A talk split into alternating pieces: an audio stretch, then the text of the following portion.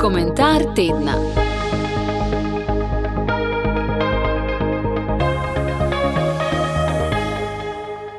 Današnji komentar Tanka meja med vojno in mirom je spisal Jrnej Letnar Černič, redni profesor za pravo človekovih pravic, državno pravo in upravno pravo na Evropski pravni fakulteti Nove univerze. Takole piše.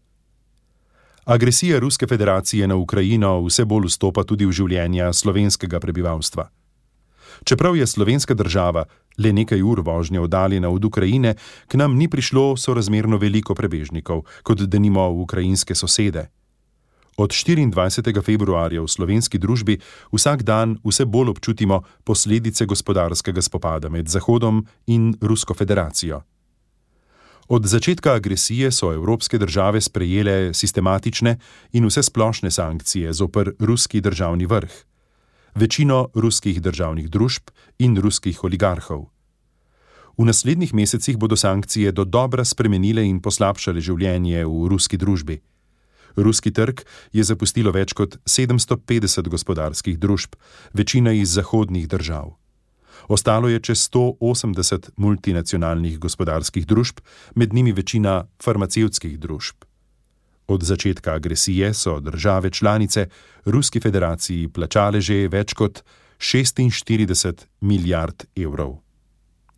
Številne države, komentatorji in ostali opazovalci, med njimi tudi vaš komentator, že dalj časa pozivamo, piše dr. Jrnej Letnar Černič, da je nujno prekiniti dobavo ruskih energentov držav članic v času, ko ruska vojska nediskriminatorno ubija, posiljuje in muči civilno prebivalstvo. Kot kažejo zadnji dogodki, bo slej kot prej prišlo do zmanjšanih dobav ruskega plina evropskim državam. Ruska federacija je denimo v sredo sporočila, da prekinja dostavo Bolgariji in Polski, ker ne želita plačati plina v ruski valuti kar je tako ali tako v nasprotju z njunimi veljavnimi pogodbenimi obveznostmi in obstoječimi sankcijami. Po drugi strani sta Avstrija in Mačarska sporočili, da bosta še naprej plačevali ruski plin. Evropske države so če dalje bolj tudi upete v vojaške spopade v Ukrajini. Če nekatere države, kot denimo Baltske države, že od začetka pošiljajo obsežne pošiljke ukrajinskim oblastem, so nekatere najvplivnejše šele pred kratkim spremenile svojo zadržanost do pošiljk težkega orožja. Zadnja odločitev nemške vlade, da ukrajinskim oblastem pošlje težko orožje, bo zagotovo občutno spremenila razmere na prizorišču spopadov. Ruski državni vrh je po zadnji odločitvi nemške vlade sporočil, da Zveza NATO tako ali tako že dalj časa sodeluje v oboroženem spopadu in ponovil stare grožnje o jedrskem spopadu. Poročila z terena po drugi strani pričajo, da se ruska vojska spopada z vse večjimi težavami, kako obdržati že osvojeno ozemlje. Zadnje odločitve evropskih držav o še večji podpori ukrajinskim oblastem so bile potrebne in nujne zaradi sistematičnih kršitev mednarodnega humanitarnega prava in prava človekovih pravic a zagotovo bodo še bolj kot doslej vplivali tudi na življenje običajnih ljudi, od še višjih cen energentov do višjih cen osnovnih življenjskih dobrin.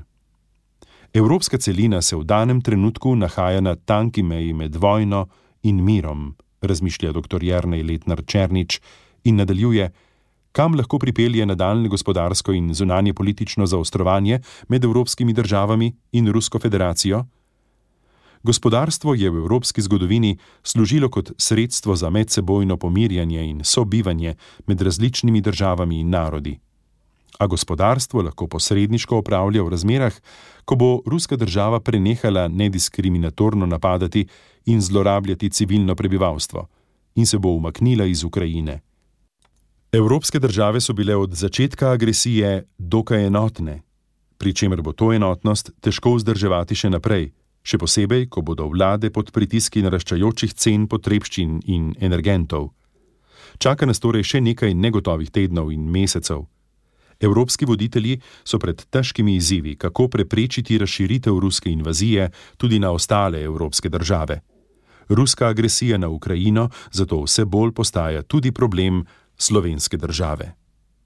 Tako v komentarju, ki ga je naslovil Tanka meja med vojno in mirom, razmišlja profesor dr. Jrnej Letnar Černič, redni profesor za pravo človekovih pravic, državno pravo in upravno pravo na Evropski pravni fakulteti Nove univerze. Njegov komentar sem prebral Jure Sešek. Komentar tedna.